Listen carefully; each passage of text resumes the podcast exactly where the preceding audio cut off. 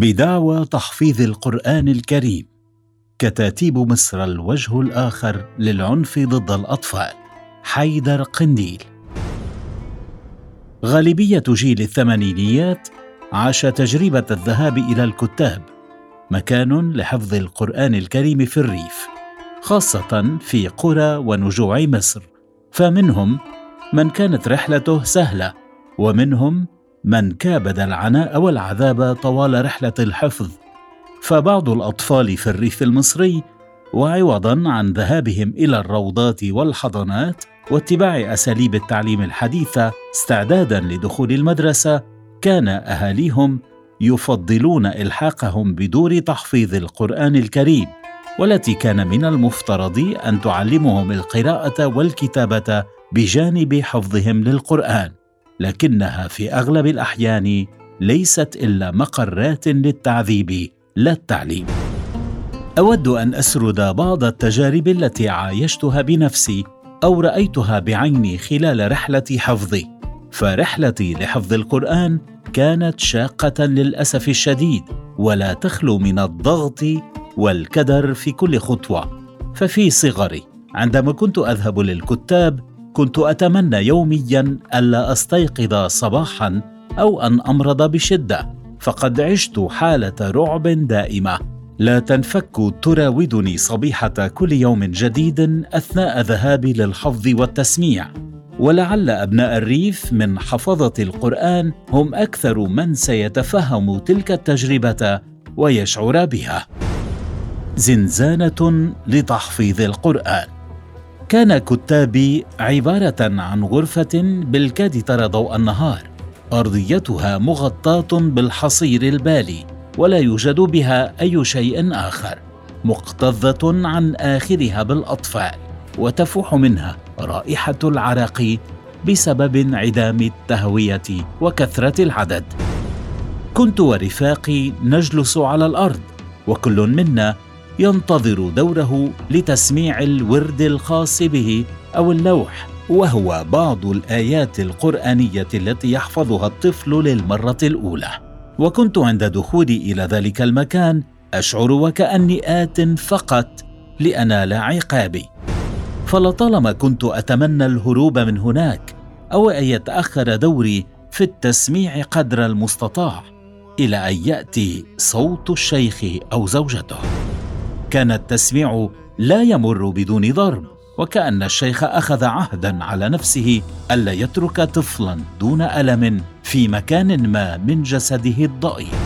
وكان يستعين في العقاب بسير غسالة قديم وهو عبارة عن قطعة من الجلد الغضيض والمرن ويظل يرفعها أمام الطفل أثناء التسميع متربصا لأي خطأ منه لينهال بها على ظهره. والمطلوب من المسمع أن يستمر في القراءة الصحيحة والتسميع الدقيق رغم خوفه حتى يتحاشى العقاب.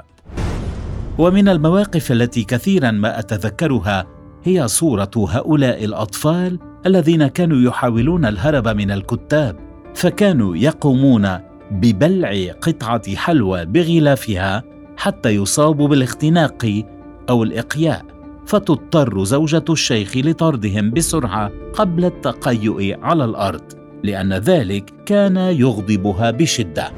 وكثيرا ما حاول أصدقائي إقناعي بفعل ذلك لكني كنت أراه تصرفا جنونيا. كنت أفضل أن أشرب الكثير من الماء حتى أطلب الذهاب إلى الحمام عدة مرات فأذهب ولا أعود حتى صبيحة اليوم التالي. وكان الشيخ أحيانا لا ينتبه لتاخري بسبب كثرة العدد أمامه. رشوة وتشجيع على السرقة. كانت لدينا عادة جميلة وهي أننا كنا نجمع مصروفنا معا. ننتظر حتى ينتهي التسميع ونذهب لشراء الحلوى والطعام ونتقاسمه معا. وكنا نسمي ذلك الغديوة. الشيوخ في الريف المصري يحصلون على احترام وتبجيل مبالغ فيه من قبل العامة بدعوى أنهم يحملون كتاب الله ولا يخطئون مثل باقي الناس وكانوا يحظون بالترحيب في أي جمع من الناس وحولهم هالة من الفخر والوقار. لكن سرعان ما تتهدم تلك الصورة عندما ترى الشيخ أو أحد أفراد أسرته يقبل هدايا من طفلة صغيرة كانت تحاول التودد حتى تحظى ببعض الاستحسان عندهم فلا يعاقبونها كالبقية. فكانت تحضر اغراضا من بيت أهلها يوميا كالمنظفات والصابون وكانت المعلمة تأخذهم منها دون استفسار. كنت دائما أصاب بالدهشة.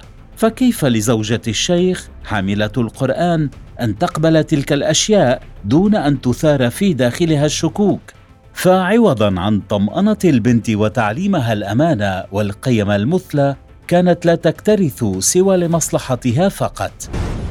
ولا انسى أيضا شعوري الدفين بالشماتة في ذلك اليوم الذي قامت فيه زوجة الشيخ بضرب طفلة حتى أغشي عليها من كثرة الضرب. واستمر الإغماء ما يقارب خمس دقائق. وبعدما فاقت البنت ذهبت لمنزلها لتعود برفقة والديها وضابط الشرطة وأخذوا المعلمة. غمر المكان فرح شديد وهرج ومرج حتى أن بعض الأطفال قاموا بضرب أبناء الشيخ. وبعدها بعدة ساعات عادت المعلمة مرة أخرى وعلمنا أن ذراع البنت قد كسرت وذلك تسبب في حالة ذعر للجميع. واتخذت قراري يومها بأني لن أذهب لذلك المكان مرة أخرى. فكنت أخرج من البيت وكأني ذاهب للكتاب ثم أهرب وألعب في الشارع. وعندما يحين موعد الخروج كنت أعود للمنزل. وبعد تكرار ذلك رآني والدي بالصدفة واكتشف أمر هروبي. وعندما رفضت العودة قام بنقلي لمكان آخر أشد سوءا حيث كنا نقف في الشارع مع شيخنا لأنه لا يملك غرفة أو مكانا يجلسنا فيه. نقف بجوار جدران المنازل حتى لا نسد الشارع ويستطيع الناس المرور. أقدامنا تؤلمنا من كثرة الوقوف من الساعة الثامنة صباحا حتى الثانية عشرة ظهرا. لم أستطع التحمل لأكثر من ثلاثة أيام ثم عدت للهروب مجددا. وكالعادة استطاع والدي إلحاقي وأختي بمكان آخر وكان شيخي الجديد شديد القسوة أيضا. ففي إحدى المرات رفضت أختي الذهاب للكتاب فخشيت لو تركتها تتغيب بمفردها أو يضربها الشيخ فجلست معها ولم نذهب. وذهبنا للعب في الشارع. فرآنا أبي وأخذنا إلى الكتاب وقام الشيخ بربطي وضربي حتى ازرق جسدي. تعذيب ليس أكثر. تلك الأفعال العنيفة كانت تصدر بسبب كلمة يكررها الأهل وهي اضرب واكسر وإحنا نداوي. ظانين بذلك أن ابنهم سيكون على ما يرام لكن لا يعلمون أن بعض المرضى يستغلون تلك الكلمات لتعذيب الطفل بلا رحمة. أحببت فكرة حفظ القرآن نفسها لأنني نشأت في أسرة متدينة وكنت أعتقد أن الأمر بالغ الأهمية في ديني أي لست مخيرا فيه. وكنت أندهش عندما أرى احدا لا يذهب للكتاب وكأن ذلك يطعن في إيمانه. لكني ومع الوقت أدركت أني غير قادر على الحفظ وأنسى بسرعة ولا أحصل على شيء سوى التعنيف. بسبب كثرة نسياني وتكرار عقابي بدأت أمقت الكتاب وأفزع عند سماع جملة حفظ القرآن. كان ذلك كالكابوس الذي يلاحقني ولا أستطيع الخلاص منه. خاصة أن أهلي لا يكترثون لشكواي من قسوة ضرب الشيخ أو العنف لأنه السائد والمتعارف عليه في كل البيوت. وظللت ضائعا بين الكتاتيب لا أستطيع التحمل والثبات في مكان. وفي أحد الأيام سمعت من أصدقائي عن شيخ طيب لا يضرب الأطفال فذهبت إليه دون علم أسرتي. لأجده لا يكترث مطلقا لتحفيظ أحد.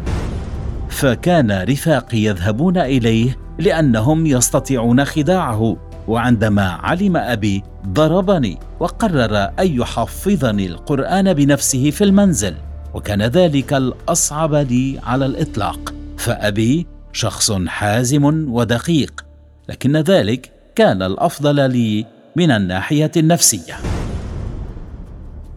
عندما كبر أخي الصغير قليلا كان لابد أن يحفظ القرآن الكريم حتى يلتحق بالأزهر الشريف فألحقه والدي بأحد الكتاتيب حيث كانت تضربه زوجة الشيخ ضربا مبرحا كان سببا في خلع ظفره في أحد المرات. وما كان من زوجة الشيخ حينها إلا أن قالت لو شفت نقطة دم على الأرض هخليك تلحسها.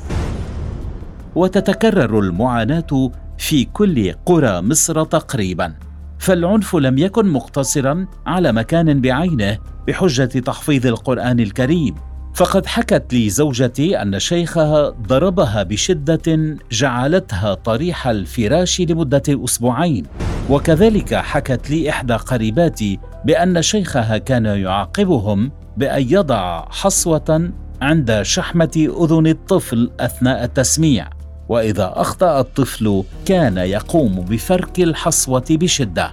وأيضا كان هناك شيء يسمى الفلكه وهو عبارة عن عصا مربوطة بحبل من الطرفين ومعلقة في السقف. وكانت تلف على قدم الطفل حتى يضربه الشيخ على قدميه. وعلى النقيض كنت أسمع عن كتاتيب أخرى تعلم القرآن بآدمية. فقد ذاع صيت شيخ يدعى الطباخ كان عظيما حقا وليس كمثل هؤلاء الأشخاص الذين يمارسون مهنة التحفيظ نعم كان يستخدم الضرب أحيانا في التحفيظ لكن ضربه كان للتخويف فقط وليس للتشويه أو الإصابات وكان يستعين بأبنائه لمساعدته في التسميع.